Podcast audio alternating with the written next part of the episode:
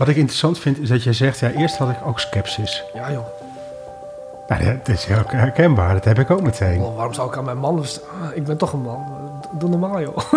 Ja, Nou, dat we elkaar daarop durven aan te spreken. En misschien moeten we er andere woorden voor zien te vinden dan mietje. Maar wel van, kom op Mark, eh, schouders eronder. eh, eh, huilen doen we vanavond om met z'n tweeën onder een biertje. Maar nu niet, we gaan nu door. nu even door. Nu even door. Dan maar even pijn lijden. En toen heb ik wel geleerd wat dat betekent om zeg maar, in staat te kunnen zijn om een ander te doden, maar ook om gedood te worden. Dat doet iets met je lichaam en je ziel. Waar staan we voor? Ja. Wat willen we als Nederland zijn? Wat willen we als de wereld zijn? Wat willen we als man zijn in deze samenleving?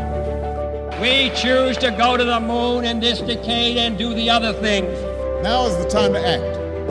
Now is the time to say, yes, we can. Welkom bij podcast 35 van de podcast waarin wordt gesproken over transformaties. Mijn naam is Mark Reiners. Met deze keer een bijzondere podcast over mannen, over Stand Your Ground. Met Hilbrand Westra ga ik in op dit onderbelichte onderwerp. Een eerlijk gesprek over de uitdaging van man zijn in deze tijd. De cijfers liegen er namelijk niet om. We kunnen wel zeggen dat het niet goed gaat met mannen. Hilbrand geeft verschillende inkijken en doorkijken en het belang van spreken van de waarheid. Jouw waarheid. Het gesprek zet mij ook aan tot reflectie. Hoe doe ik dat als man? Ik wens je heel veel luisterplezier. Hilbrand Westra, fijn dat je er bent. Ja, dank voor de uitnodiging Mark. Fijn om je te zien man. Ja, Ja, ik zei net, zijn we los? ja. Schijnbaar. Ja, dat zijn we dan, hè? En ehm, we gaan het hebben over mannenwerk. Oh, was dat het thema van vandaag? Nou ja, ik heb tegelijkertijd ook meteen zoiets van, ik kan alle kanten met je uit. Nou, niet alle kanten, maar ja, we hebben het vorige keer gehad hè, over, over dit onderwerp. Dus misschien is dat ook wel passend. Ja, ja. Ja. En waar gaan we het dan over hebben? Wat is mannenwerk voor jou? Ik heb een eh, vermoeden en ehm, ik kan het niet volledig staven, maar wat ik zie in de samenleving, ook internationaal, is dat er een grote behoefte is aan aanwezige mannen. Ja. Ja. En ik hoor dat ook op alle fronten, zowel voor vrouwen, maar ook voor mannen zelf. En, en, en je brengt het bijna als, een, eh, als iets wat je nog niet kan staven, zei je, hè? Maar Maar ja, er is dus in die zin eh, nog in mijn optiek nog niet eh, voldoende wetenschappelijk materiaal om dat te onderbouwen. Wat ik wel kan onderbouwen vanuit de wetenschappelijke hoek is natuurlijk dat, dat er veel fout gaat in de mannenwereld. Dat, dat kan ik wel onderbouwen. Nou ja, en, en eh, het boek eh, Afwezige Vaders. eh, Ja, dat is een van de oude klassiekers. Ik noem dat al een klassieker hè, van Guy Cornell natuurlijk, die eh, Canadese psychiater. ja, Ja, dat is eigenlijk nou, het meest, volgens mij de meest oude boekenkop wat ik in de kast heb staan, zo lang zo Zo lang heb ik hem eigenlijk al. Ja. nou ja, ik heb een hele trits mannenboeken gelezen afgelopen zomerperiode. Ja, Dus het is voor mij ook wel een thema waar ik heel erg mee bezig ben geweest. ja. En, ehm, en, en waar, merk je, waar merk je het aan? Dat mensen eh, behoefte hebben aan mannen? Nou, ik weet niet of dat behoefte is aan mannen, maar meer de aanwezigheid van ons als mannen. Dat wij Ja. ehm, zichtbaar zijn en dat we met name verantwoordelijkheid durven nemen, dat we moed eh, durven tonen. Eh, het onderwerp doorzettingsvermogen eh, raakt nog wel eens uit beeld, terwijl ik denk dat dat een van onze kracht zou kunnen zijn. Ehm, en staan voor de zaak waar we voor willen staan en niet zeg maar bij de eerste vlaagje wind dat we omvallen, bij wijze van spreken. En ik merk als ik dit dan met mensen deel, dat er heel vaak geknikt wordt, zoals jij nu eigenlijk ook knikt. Hè? Zo van, dat er iets van her- herkenning in zit, zeg maar. Ja, het is heel herkenbaar. Ja, Het is heel herkenbaar. Wat jij ook zegt, doorzettingsvermogen, stamina, blijven staan. Maar je, je ook ergens voor uitspreken. ja en dus ook punt of hè? eh, op die heuvel gaan staan en zeggen, nou, hier sta ik voor. En dat zeg ik ook wel eens tegen mannen die bij mij in de praktijk komen. Van, een van de dingen die ik vaak merk bij veel mannen die bij mij eh, dan terechtkomen, is dat ze moeite hebben om het onderwerp stand your ground te, te belichamen. Van, ik sta ervoor en desnoods met bloed en al eh, verdedig ik mijn fort, zeg maar. En je, je geeft zelf ook mannen training, hè? Ja, Kan je daar wat meer over vertellen? ja dat is een eh, interessant onderwerp. Ik, ik, heb, ik moet heel eerlijk zeggen dat ik vroeger heel sceptisch stond ten opzichte van dit soort dingen. Want ik dacht, ik ben toch een man, ik heb een mannenlijf en eh, wat is dat voor een raar gedoe. Dus als mannen tegen mij zeggen, waarom zou ik dat ermee doen, begrijp ik dat ook, want dat had ik vroeger ook. Ehm, En toen heb ik jaren geleden heb ik een mantraining in België gevolgd. En een keer ook in Engeland. Lang, lang geleden. En de laatste keer was uh, ja, NT-NLP bij, uh, bij uh, de club van uh, Bouke de Boer in Limmen. Mhm. En, en eigenlijk dacht ik op een gegeven moment, eigenlijk ken ik me heel, mezelf heel slecht. Want ik, ik, ik, dacht dat ik wel wist wie ik was als man, maar dat zijn eigenlijk persoonlijke concepten. Maar in, in context van de samenleving, en hoe je verhoudt tot anderen, en wat hoort bij het man zijn. Ja, heel veel dingen die daarover gaan, daar denken we eigenlijk nooit echt over na. Laat staan dat we het met elkaar delen als man onderling hoe dat voelt. Hè? En uh, door die mantraining ben ik wel achtergekomen dat ik eigenlijk heel weinig ervaring en kennis had van het man zijn en wat zich in dat veld afspeelde. Want eerlijk gezegd, mijn focus is heel lang geweest naar de vrouwen. Ik had heel lang geen idee dat, dat mannen de moeite waard waren. En ook niet dus bij nagedacht dat het niet moeite waard zijn van die andere mannen ook impact heeft gehad op mij. Dat ik mezelf niet volledig waardig vond. Hè? En uh, dat is door het mannenwerk wel veranderd. En toen ben ik er ook veel over gaan lezen. Heel veel gelezen eigenlijk. En toen kwam ik er eigenlijk achter dat uh, de groep die het in zekere zin het meest zwaar hebben in de samenleving. Zeker in de moderne samenleving. Dus uh, zeg maar de post-agrarische cultuur. Nou, de cijfers liggen er niet om, denk ik dan. Het gaat niet goed met mannen in zekere zin. Nee, ja, ja ik moet dan denken aan zelfmoord, hè? Nou, bijvoorbeeld, maar ook ziektes, het aantal mannen in gevangenissen, uitval in het arbeidsproces, uh, psychologische klachten. Nou, je kunt er een hele rits opnoemen op mannen scoren daar allemaal vrij hoog op. Ja, we doen het niet goed. Nou, ik weet niet of wij het niet goed doen, maar Dat is meteen... in de context van de samenleving vallen wij veel uit. Ja. En zeker in de moderne samenleving. Maar, en wat ik interessant vind, is dat jij zegt, ja, eerst had ik ook sceptisch. Ja, joh. Nou, dat is heel herkenbaar, dat heb ik ook meteen. Oh, waarom zou ik aan mijn man... Ik ben toch een man. Doe normaal, joh. Ja, nee, maar ik heb ook, ik heb ook emotioneel vaardig training gedaan. Ja, ook. En er zat dan een, een moment ook in een ochtend mannen. dan ging je met mannen ging je de hei op. ja. Nou, ik had echt zoiets, nou weet je, deze ochtend moet ik even uitzitten en daarna eh, gaan we weer verder. ja. Ik vond het vreselijk.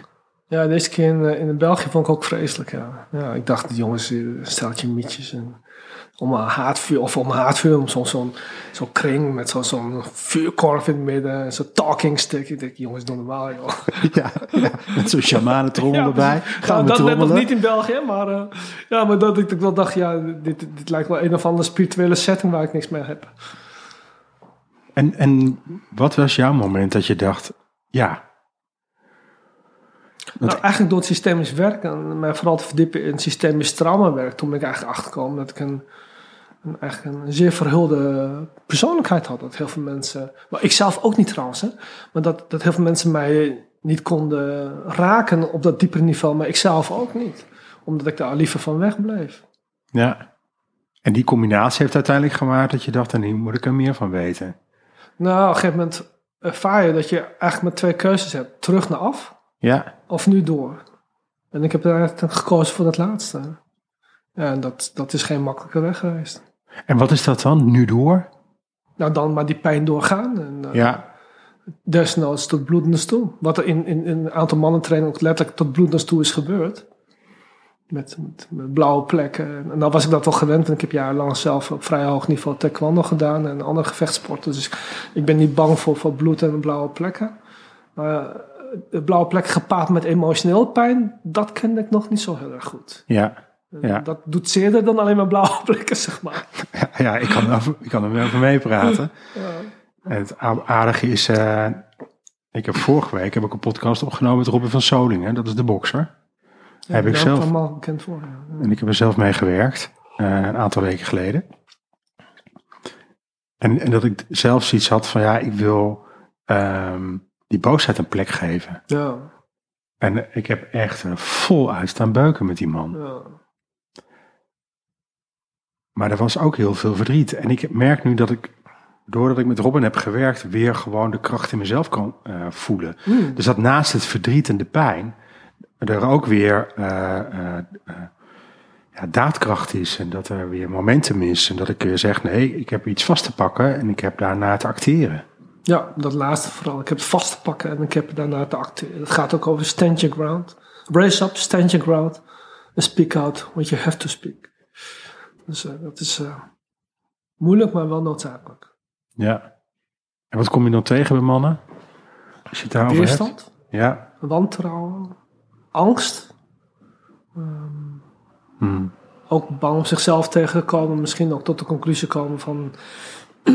ja, welke meerwaarde heb ik eigenlijk dan nog voor anderen als ik niet weet waar ik zelf sta. Dus het is ook een ontdekkingstocht naar de, naar de zelf. Ja, dat klinkt natuurlijk heel cliché. En, eh, maar goed, wel, eh, naar wie ben je eigenlijk? Ja. Waar sta je voor en wie ben je? En, eh, Afwezigheid van mannen. ja, dat is een groot thema. Een groot thema. En ik heb ook ontdekt dat sinds, zeg maar, sinds de Tweede Wereldoorlog dat die afwezigheid alsmaar groter geworden is. Dus het is ook een soort, in mijn optiek, een, een postoorlogse ontwikkeling. Dus je hebt het, en heb je het idee dat de Tweede Wereldoorlog daar versnelling aan heeft gegeven? Ja, ik denk het wel. Of niet versnelling, maar het heeft het mede veroorzaakt. En kan je daar iets meer over vertellen? Nou ja, kijk, één door de Tweede Wereldoorlog, want dat is de laatste oorlog die we uit de geschiedenis kennen in West-Europa. Eh, er zijn natuurlijk veel mannen betrokken geweest. Uit heel Europa zijn ook veel mannen gesneuveld. Dat betekende dat veel vrouwen de plaatsen, posities en rollen hebben overgenomen van veel mannen. En dat bleek ook prima te kunnen. Eh, Vrouwen gingen de fabrieken in, eh, gingen zelfs mee helpen vliegtuigen te bouwen. eh, gingen, gingen boeren op het land. Ja, die mannen waren er allemaal niet. Ehm, en toen kwamen die mannen, tenminste voor degenen die terugkwamen, vaak gehavend en met trauma.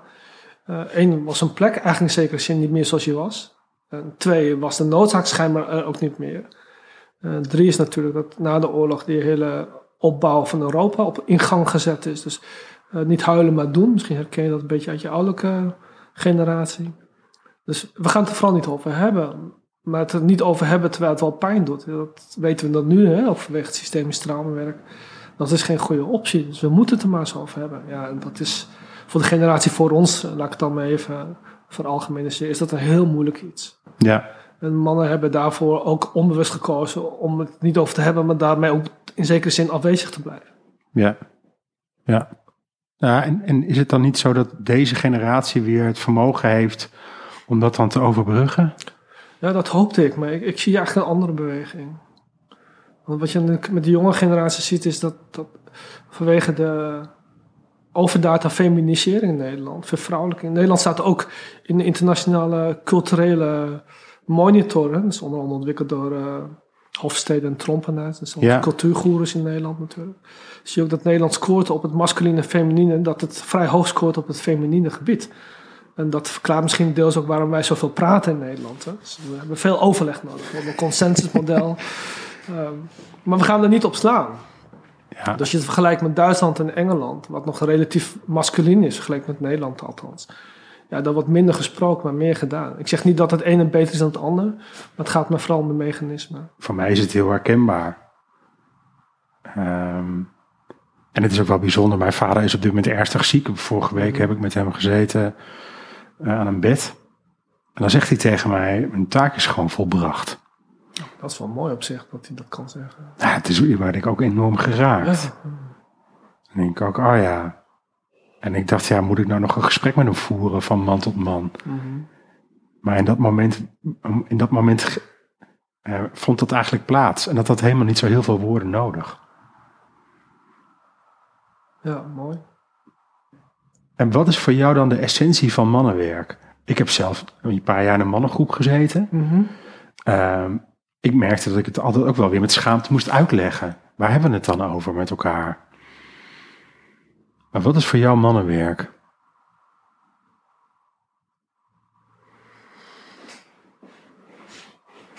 Nou. Ja, je kunt het natuurlijk heel moeilijk maken en complex, maar laat het proberen eenvoudig te houden. Ehm, wat ik vaak met mannen deel in de praktijk en in, in, in groepswerk zijn eigenlijk vijf hele belangrijke elementen. En die zijn niet alleen van mij, die heb ik opgepikt uit andere eh, literatuur, maar ook uit eh, eh, speeches van andere mannen in de wereld. Onder andere van Jordan Peterson, is een belangrijke ideeënbus voor mij geweest. Maar ja, Rico No noemde je net zelf natuurlijk een ton van de kroon. En al die andere mannen die over mannen hebben geschreven, zeg maar. Ehm, wat ik zelf heel belangrijk vind en wat ik zelf ook duvels moeilijk vind in de praktijk, laat ik daar heel, eh, eerlijk in zijn, is eh, een aantal stelregels die voor mannen heel belangrijk zijn. Eén is bijvoorbeeld uh, spreek de waarheid. Nou, zullen mensen zeggen, ja, maar dat is toch logisch dat je de waarheid spreekt. Nou, als je jezelf observeert 24-7 en nauwlettend je eigen taal in de gaten houdt en wat je zegt en hoe je het zegt, dan zul je ontdekken dat het allemaal niet zo makkelijk is. Dus dat is een belangrijke regel. Twee is verantwoordelijkheid nemen voor de dingen die je zegt en doet. Dus je niet terugtrekken op het moment dat je iets hebt ingebracht. Want ik vind ook dat je daarmee verantwoordelijk bent. Ja, je hebt in principe in zekere zin ook een interventie gedaan. Hè, of een handeling waar anderen iets mee moeten. Of waar anderen in ieder geval een reactie op hebben. Dus daar moet je iets mee. En drie vind ik ook dat je moed moet hebben om dingen aan te kaarten die pijnlijk moeilijk zijn. Maar daar verwees jij net natuurlijk ook voor een deel net naar. Um, dus het zijn de drie. En de vierde vind ik heel belangrijk is dat um,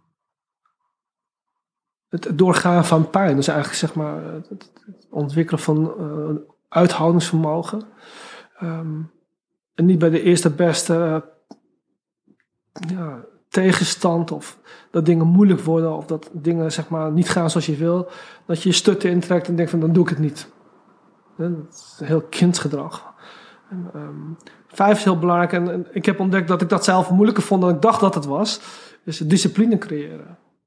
Uh, uh, dingen inzetten en op een bepaalde volgordelijkheid dingen volhouden tot het klaar is.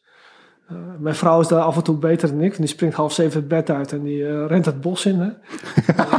dag schat. Ja, ja, dan zeg ik inderdaad, dag schat, ik zie je zo wel bij het ontbijt. maar als het gaat om werk en, en, verdiepen in de materie, daar ben ik dan weer heel gedisciplineerd in. Dus om te studeren, om uh, te forsen, de diepgang te zoeken. Ook als ik het moeilijk vind, want sommige, sommige materie vind ik moeilijk en confronterend.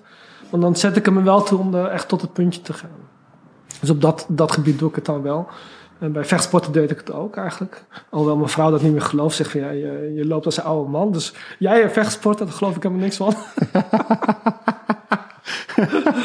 maar goed, ik, in, in, in mijn 20, 30 jaar, nou, dat kon ik wel veel hebben. Ik heb, ik heb wel wedstrijden gereden dat ik zo bont en blauw als ik eigenlijk niet meer kon staan en zitten. Dus ik heb ik was zeker de eerste wedstrijden op full contact. En je hebt in de taekwondo heb je de WTF-stijl. Dan krijg je wel een, een body armor, dus een soort uh, kunststof panzer, zeg maar. Maar op de full contact dan gaat het echt wel hard aan toe. Ja. En als je dan niet op voorbereid bent, dan de eerste drie wedstrijden ben je gewoon bont en blauw. Ja. Dus uh, nou ja, dat, uh, dat had je wel in zekere zin.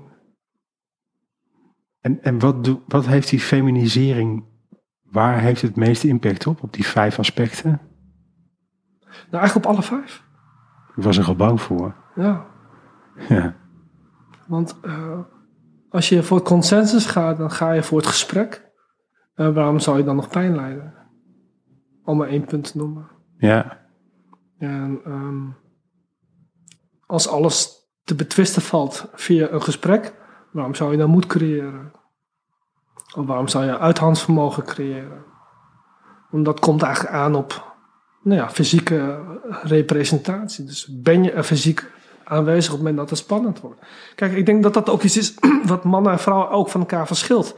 Kijk, we mogen dat niet meer in Nederland, maar daar ben ik op zich eigenlijk tegen dat het niet meer mag. Maar op een gegeven moment, als er niet meer uitkomen, dan slaan we erop. En ik zeg niet dat geweld de oplossing is, maar de optie tot geweld uh, zorgt er ook voor dat wij onszelf kunnen begrenzen ten opzichte van anderen. Vrouwen hebben een andere tactiek geleerd, hè? dus ik noem wel eens de vrouwelijke agressiviteit is een manipulatie. Ja. Dus emotionele manipulatie is in zekere zin de vrouwelijke agressie. Um, maar ja, mannen hebben in zekere zin uh, een domein van geweld. Ja. En eerlijk gezegd vind ik dat ook niet zo'n heel slecht domein. Je leert namelijk ook dat als je in staat bent om geweld toe te passen, dat je ook het kunt inhouden wanneer noodzakelijk is. Ja, en, en weet je, vechten op het schoolplein. Ja, ik, ik, heb daar, ik heb daar totaal geen bezwaar tegen.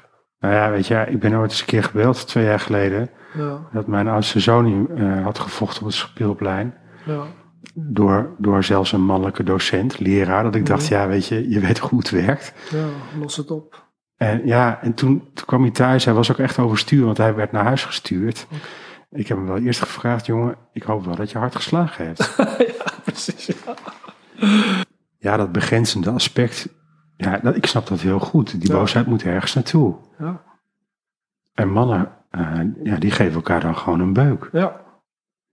Is niets bevrijdenders dan dat, denk ik dan. ja, dat vind ik ook. Maar goed, daar zijn dus heel veel meningen over verdeeld. Ja. Ja. En ehm macho-culturen. Macho-cultuur. Ja, ja ik moet, ik, ik, weet je, terwijl je dat zegt, hè, dus moet ik denken aan de politie, waakzaam en dienstbaar. Ja, Eh, eh, wij stappen vooruit waar andere mensen achteruit stappen. ja. Eh, ik, ja, ik heb er jarenlang mee gewerkt. Ik heb er altijd ontzettend mee, naar mijn zin gehad. Mhm. En waarom heb ik het naar mijn zin gehad om ermee te werken? Vanwege het feit dat het zo helder en duidelijk was. ja. Geordend, hè? Super geordend. Ja. Hierarchisch. Ik heb daarmee management games gedaan. Dat ik echt dacht bij mezelf, jemig. Gewoon met teams die helemaal geen team waren. Die, maar die gewoon waanzinnige dingen deden. Hierarchisch, geordend, structuur. Tuk, tuk, tuk. Ieder Ja. zijn plek. Ja. ja. Maar dat noem ik geen macho-cultuur. Nou, mijn ont- ontdekking is de macho-cultuur is eigenlijk de, de pathologische kant van de masculiniteit. Wat je ziet namelijk als je hebt over de macho-cultuur, dan refereer ik even aan de Latijnse, eh, Amerikaanse landen of Zuid-Europa. is juist dat dat ontstaat vanwege de afwezigheid van vaders. Dus waar het geweldspectrum wel aanwezig is in het gezin, maar dat die jongens die later man worden het geweldspectrum niet hebben leren inhouden vanwege de afwezigheid van vaders. Dat ze niet begrensd zijn. Omdat ze niet begrensd zijn. En daar ontstaat zeg maar een soort ambivalente relatie tussen het vrouwelijke en het mannelijke. En dan spreek je eigenlijk over die macho-cultuur. Ja, Want de echte man heeft die macho kant niet nodig. Die heeft die representatie niet nodig, want die heeft genoeg aan de inhoud van zijn dagelijkse activiteiten. En die ziet ook waarom wel of niet zeg maar, belangen zijn en rollen en posities in gezinnen, gezinnen van belang zijn. Macho's zoeken alleen naar de vorm en kunnen de inhoud vaak niet aan. ja, Ja. Dus vandaar dat ik dat onderscheid maak. Zeg. helder. helder. En, en jij zegt, ja, ze kunnen de, de vorm niet aan. Wat zei je nou? Sorry. ze, ze laten de vorm zien, maar ze kunnen de inhoud niet aan. En wat bedoel je dan dat ze... Nou, de bijvoorbeeld inhoud- verantwoordelijkheid nemen. Ja, eh, moet tonen op het moment dat het moeilijk wordt. Stand your ground. En wat ik intrigerend vind als ik dit verhaal vertel, dat, dat die vrouwen bijna staan te schreeuwen aan dit soort mannen. Ik kom relatief veel in Italië en nu niet meer vanwege corona natuurlijk, maar gemiddeld kom ik er twee, drie keer per jaar. Ik gaf ook trainingen en we hebben de laatste paar keer ook mannentraining gedaan. Ik heb nog nooit zulke blije vrouwen gezien in Italië. ja, Dus er is, er is een hunkering naar. Maar we mogen het niet hardop zeggen, omdat het ehm, niet past in de moderne gedachtegoed rondom mannen en vrouwen. En dat vind ik nogal pijnlijk. dat, het er niet meer over, dat, het, dat we zo blij zijn voor de feminisering... dat we het niet meer over de mannenkant gaan hebben. Ja, precies. Ja. En dat het ook zo taboe wordt. Om- omdat het verwijst historisch naar, zeg maar, eigenlijk in zekere zin, systemisch gezien, naar ehm, trauma wat nog niet opgelost is in beide systemen. Hè? In het mannen- en het vrouwendeel. Ja, als ik zie hoe vrouwen reageren als mannen weer thuis... Nou, ik kan je zelf een voorbeeld geven. Als ik uit een mannenweekend eh, of meerdaagse thuis kwam... Mijn vrouw was altijd blijer dan normaal. Dan denk ik, dat is toch raar? Maar zij had altijd zoiets, ja... Ik, dan voel ik weer dat je weer die mannenenergie hebt meegebracht. En dat is wat ik, dat, wat ik aantrekkelijk vind. ja, daar kan je tegenaan leunen. Ja, En daar kan je tegenaan staan. precies. Maar, en, en wat hebben we dan zelfs mannen als weg te gaan? Nou, dat we elkaar daarop durven aan te spreken. En misschien moeten we er andere woorden voor zien te vinden dan mietje. Maar wel van, kom op Mark, eh, schouders eronder. eh, eh, huilen doen we vanavond om met z'n tweeën onder een biertje. Maar nu niet, we gaan nu door. Nu, Nu even door. even door. Dan maar even pijn lijden. En, en wat moet ik met mijn zonen gaan doen dan? Dat voorleven. Ja, Zonen hebben zo behoefte aan voorleven daarvan. En toekomstperspectief bieden. We bieden jongens zo weinig toekomstperspectief. Je kan alles worden wat je wil. Nou, forget it. Je kunt niet alles worden wat je wil. Dus begrenzen. Zeg maar tegen de jongens, je kunt niet alles worden wat je wil, maar ik ga alles aan doen dat wat jij als doel wilt halen, wat realiseerbaar is, daar zetten we op in. en daar gaan we voor. En daar gaan we voor. Maar niet alles. Alles is wel Disney. Ja, live your dream. Ja. En, er is, ja, en het is een illusie. Ja. En kinderlijk. Dat is een goede ingang om te gaan doen als man. Voelen. Voelen. Met elkaar erover hebben. Wat voel jij? Wat voel ik? Mogen we überhaupt wel voelen? Ja. En wat voel ik dan? Waar komt dat gevoel dan vandaan? Ben ik dat of is mijn vader dat? Maar laten we het dan ook hebben over hele existentiële belangrijke onderwerpen. Die onderwerpen raken als geboorte, leven en dood. Dan hebben we het tenminste ergens over. Want dat zijn, dat zijn de elementen waar mannen ook zeg maar, noodzakelijk aanwezig voor moeten zijn. Zeker in spannende tijden. Ja. Dus dat vind ik systemisch ook belangrijk. Hè? Dat wij aanwezig zijn als mannen. En ik maak me grote zorgen. Gelukkig is daar nu langzamerhand uh, qua onderzoek ook wel duidelijk. Is Nederland heeft zijn grondgebied nooit kunnen verdedigen. En dat kunnen we nu weer, weer niet. Dus we besteden dat uit. Wat doet dat met ons mannen? Dat we eigenlijk oorlog en vrede hebben uitbesteed. Ik vind dat zorgelijk voor, hè, als man, zeg maar. En dat wij niet in staat zijn om jongens zeg maar, in onze elite-eenheden te krijgen. Want we hebben onvoldoende krachtige mannen. Hè? Ja. Al decennia lang een probleem in Nederland. Hè? Dus we hebben een hoog uitval voor de mariniers en de commandotrainingen. Omdat mensen gewoon niet gehard zijn. Nee, de dat mannen zijn gewoon niet gehard. Weggaan van de dood. Weggaan van de dood. Hè? En het Maar er niet over hebben. Nee. Terwijl ik denk als het ergens om gaat, waar mannen een belangrijke rol kunnen spelen, is juist het element dood. We kunnen hem geen geboorte geven, dat kunnen alleen vrouwen. En daarom zijn ze ook in zekere zin, hebben ze een heilige positie in het systemisch veld. Een Ja. sacred position. Maar wij hebben een sacred position omdat wij dat dienen te verdedigen en te beschermen. En dat we desnoods zeg maar, van wil zijn om ons leven daarvoor op te offeren. Nou, dat is een belangrijk facet. Laten we het daar maar eens over hebben. Ben je bereid om je leven te geven voor het grotere goed? Nou, dan kom je in dat systemisch veld van het dienen van iets groters dan jezelf. Ja. Nou, dat vind ik een belangrijk thema. En dan merk je ook dat dat, dat doet iets met mensen. ja, dat zet de boel op scherp. Ja. ja. Hoe werkt dat dan voor jou? Ik vond het een heel belangrijk thema. Dus ik, ja, ik heb dat zelf gedaan. eh, weliswaar een beetje uit, noem je dat? Uit, uit, uit, uit jeugdig, nou niet echt jeugdig, maar een beetje uit een nihilistisch gedachtegoed van ja, ik heb niks te verliezen, dus waarom geen oorlog in, hè? Ja. Ik heb ook wel een moment in mijn leven gekend waarin eh, leven en dood echt een rol speelden. Eh, is het niet door ideeën rondom suïcide dan wel omdat ik aangevallen werd eh, met wapens. En toen heb ik wel geleerd wat het betekent om zeg maar, in staat te kunnen zijn om een ander te doden, maar ook om gedood te worden. Dat doet iets met je lichaam en je ziel. Die Ja. ervaring vergeet je nooit meer. Dus, eh, ik denk dat ik op dat moment plotseling volwassen geworden ben, maar ook besef heb gekregen hoe kostbaar het leven is tegelijkertijd. Ja. Maar, maar daar kan ik alleen maar met bewondering naar kijken. Want ik heb er nooit in die situatie gezeten. Ja, ik weet niet of dat bewondering moet zijn, maar het leert je iets wat je, wat je anders nooit zou leren. Nou, ik merk aan mezelf een soort van jaloezie. Oh, is dat zo? Nou, en het is niet zo dat ik nou zeg, ik wil met je ruilen of zo. Maar ja, het is wel een soort van jaloezie van eh, dat, ik, dat ik de kracht voel die dat geeft. Ja, dat is het dus. hè. Het geeft kracht. Ja. En het is archaïs. Het zit ook in jou. Alleen je hebt misschien niet individueel ervaren. Maar het feit dat je iets van jaloezie voelt, voelt dat je er dichtbij wil komen. Ja, En dat betekent dat dat iets in jou ook wakker maakt, toch? ja, dat, ja dat, maar dat doet het zeker. Ja. Het maakt zeker iets Ja. in mij wakker. ja. En ergens voor staan. Precies, voorstaan. Eh, maar ook voelen van, ehm, van, van de uitdaging dat als je dan ergens voor gaat staan, om er dan ook eh, aan vast te blijven houden. Ja. In alle eerlijkheid, ik ben af en toe ook een ongelofelijke fladderaar. ja, ik kan ook met voldoening kijken als ik echt iets afmaak dan. Ja, bijvoorbeeld. Ja, dat is zo'n teken. Dingen af kunnen maken. Ja. Maar in de ogen van de dood kijken. Ja. Maar net als met mijn vader de vraag stellen, ben je bang voor de dood? Ja. Och, vond ik het spannend om dat te vragen.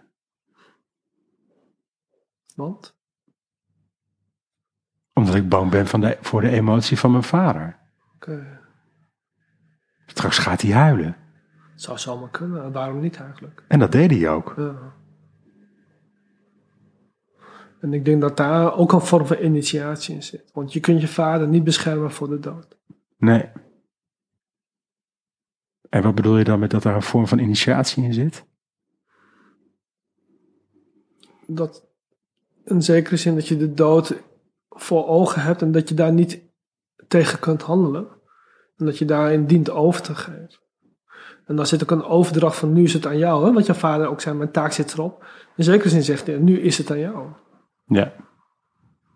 Ja. Dus een, een- wat we vanuit zeg maar, een diep archaïsche, ik noem dat als een archetypisch archief of een archaïsch archief.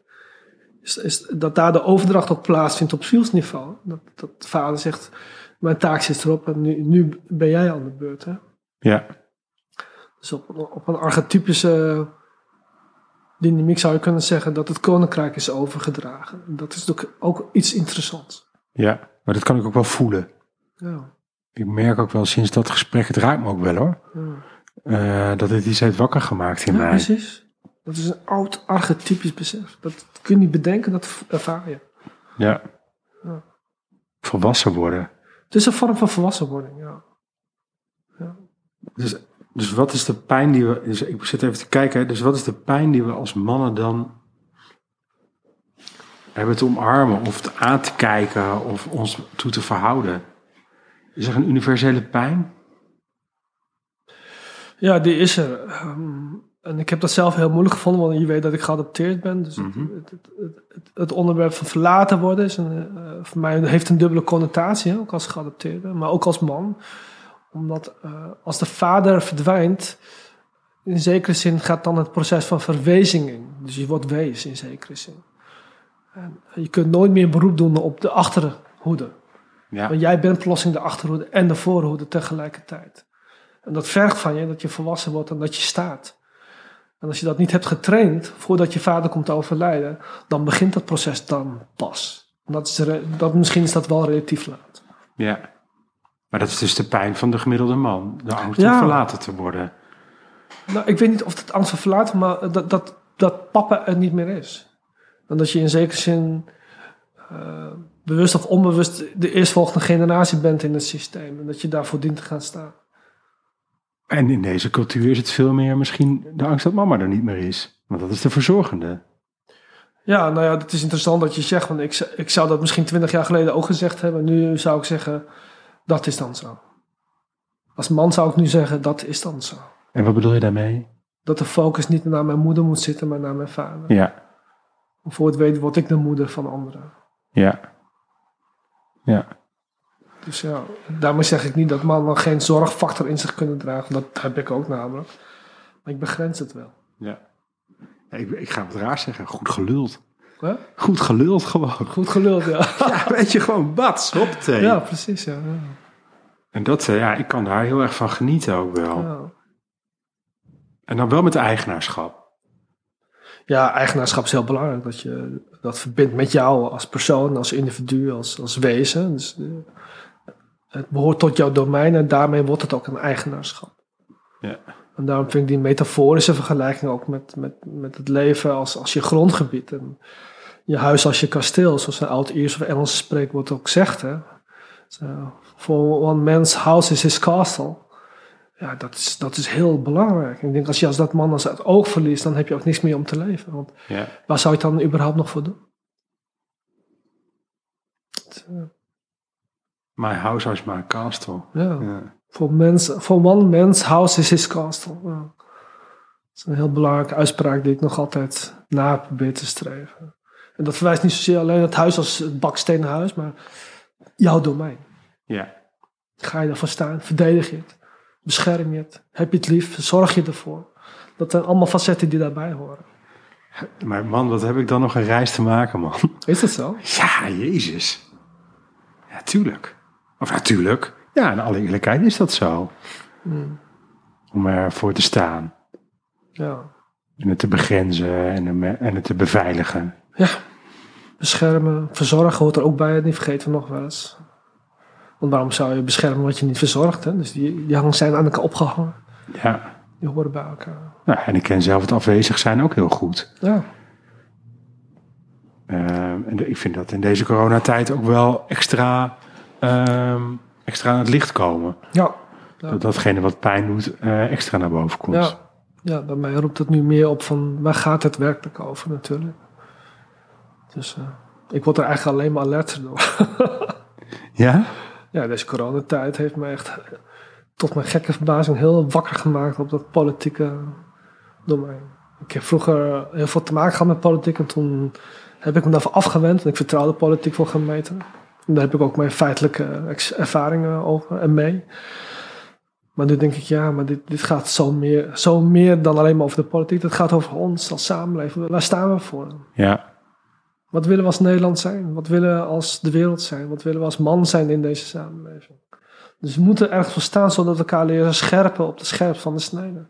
Zonder elkaar om te brengen, maar desnoods is dat de noodzaak. Ja. Gaan staan. Gaan staan. Ja. Wil je het nog ergens over hebben? Nou, we hebben al even over dingen gehad. Hè. Eh, vorig jaar heb je misschien weet je dat, maar ik heb, ik, heb een pilot gedraaid met een meerdaagse vrouwen. Waar veel vrouwen uit het systemisch werk ook aanwezig waren. Ja. En ja prachtige foto's Ja? gezien. Prachtige foto's. En een van die onderdelen is de aanwezigheid van mannen in die training. Ja. En, eh, wat ik wel interessant vond, is dat twee vrouwen mij iets eh, deelden. Het ging over het onderdeel van geweld onder mannen. Dus konden ze toekijken en ook ervaren wat het met hen deed als mannen in geweld in elkaar opgaan. Hè? Dus ik had de mannen uit het systemisch veld had ik gevraagd om te komen, om te gaan vechten met elkaar. En dan zie je sommige vrouwen die zich afwenden, weglopen. En sommige vrouwen staan gebiologeerd te kijken. En sommige vrouwen vinden het misschien wel interessant, maar durven daar niet te dichtbij komen. En na afloop zeiden de twee vrouwen van mij: Ik heb iets heel raars ontdekt bij mezelf. Namelijk, eigenlijk vind ik dit wel heel aantrekkelijk, die mannen, wat ze doen. Maar ik voed mijn zonen toch anders op. Met andere woorden, als verzorgende, eh, lieve mannen. Maar zij vallen dus schijnbaar op mannen die in staat zijn tot het gevecht. Dat vond ik wel een interessante ontdekking. Ja. Dus ik denk dat daar ook wel iets in zit waarin we als mannen kunnen bijdragen. Om die dochters ook te leren wat, eh, wat het geweldspectrum voor mannen is. En waarom dat zeg maar iets van belang is. En waar zij een rol in kunnen spelen in dat geweldspectrum. Nou, en dat gaat dus weer over ervaren. Ja. En dan komt natuurlijk op het gebied waar ik natuurlijk heel erg een voorstander van ben. eh, wat ik dan wel zo langzamerhand synthetische fenomenologie noem. Dus de samenhang van processen die elkaar raken. Maar waarin ook onderscheid mag plaatsvinden. Een, een onderscheid in dit geval tussen man en vrouw. Ja. Maar mooi dat je dan gaat vechten in een zaal, zodat vrouwen dat dan weer kunnen ervaren. Ja, Ik, ik vind dat ja, prachtig om in, in, in het aspect van ervaren eh, te werken. ja, Want anders moeten we er weer over lullen. ja. Dus laat maar zien. Ja, Ervaar het maar. Wat doet het met je lijf? Kun je erbij blijven of trek je weg? Vind je het afschrikwekkend? Of lonk je? En, eh, je hebt ook vrouwen die er naar lonken. Hè? Het is ook niet voor niets als je bijvoorbeeld eh bokswedstrijden hebt. Dat je altijd op de een of andere manier een, altijd een groepje vrouwen hebt. Niet, niet massaal, maar altijd is er een groepje vrouwen. Dus er is iets mee. Hè? ja. ja, dat vind ik altijd wel grappig. ja en ik werk ook regelmatig met Robin met eh, teams. Ja, En ik maak ook genoeg vrouwen mee die zeggen, en ik ga ervoor. ja, En die denken dat ze Robin een oplawaai kunnen geven. ja. En dat is een wereldkampioen eh kickboksen. Dus, Ja. dus die heb je niet zo heel snel te pakken. Nee. En toch eh, gaan vrouwen er dan voor. ja. Dat is herkenbaar. Dankjewel Ja, ook bedankt. voor de inzichten. Graag gedaan. Dank voor de uitnodiging. Ik heb toch over mannen gehad, Mark. Ja, dat hebben we zeker. ja. Van man tot man. ja, dat is ook mooi eigenlijk, hè, in dit geval. Ja, Ja, dus misschien daarna zit dan nog. Ik laat hem even lopen. ja doe dat. Ja. Maar voor mij is het ook zo gewend om naar vrouwen te gaan en niet naar mannen. ja, precies, dat herken ik. Dat deed ik vroeger ook. En dan denk ik nu, nee, je moet gewoon eh, naar, de kerellijn toe. Ja, Daar heb ik het te zoeken. ja. En dan krijg je hele andere antwoorden. ja, en ook andere dynamieken. Dus het beïnvloedt je lichaam ook op een ander niveau. En dat, dat hebben we nodig als mannen. We moeten oppassen niet in die vrouwelijke lichaamsdynamiek mee te bewegen. Ja, en toen we, want er was namelijk ook de introductie, want we hebben al best wel wat een beetje aan elkaar geroken en gedaan. Ja, want we komen elkaar natuurlijk tegen in het veld rechts of links. Hè. Ja, en ik vind het dus heel interessant om in het systemische werk met een man aan tafel te zitten. En niet alleen maar met die wijven. Sorry dat ik het zeg. Nee, nee, nee. Alleen maar dat. vrouwen. Heel veel vrouwen. Overdaad dat vrouwen in het systeem is werken. Terwijl ik denk dat dat heel gezond zal zijn, dat er meer mannen gaan staan. En wat ik overigens wel veel zie, is de mannen die aanwezig zijn in het systeemswerk, zijn ook niet echt overtuigend, nou echt van die mannelijke mannen. Over het algemeen, uitzondering daar gelaten, maar... Elmer Hendricks is daar een uitzondering bijvoorbeeld, maar die presenteert zich wel heel feminien, maar dat is echt een man-man. Ja, En die is ook niet bang voor geweld en... eh, ik weet niet of je hem kent. ja, ja zeker. Ja, ik heb hem nooit gezien. Nee, Maar hij is natuurlijk ook van de taal. ja, eh, Maar dat is ook iemand die zeg maar een historie van agressie heeft. Ja, En voor een deel herken ik dat ook. Ik heb het niet zo excessief als hij dat heeft, maar ja. het wordt tijd voor een baard. ik, ik mag niet van mijn vrouw. Die vindt het zo lelijk staan. Ja. Nou, systemische dag met mannen. Het zou heerlijk zijn. Dat, zullen, zullen we dat nou eens niet keer organiseren? Ja, bij deze. Ja, dat lijkt me echt... eh, dat vind ik nog echt de moeite waard om dat een keer te doen. Ja, gaan we doen. No women allowed. Ja, zeg no women. Man only. Goed, Ja, nogmaals oké. dank. Dankjewel, Mark.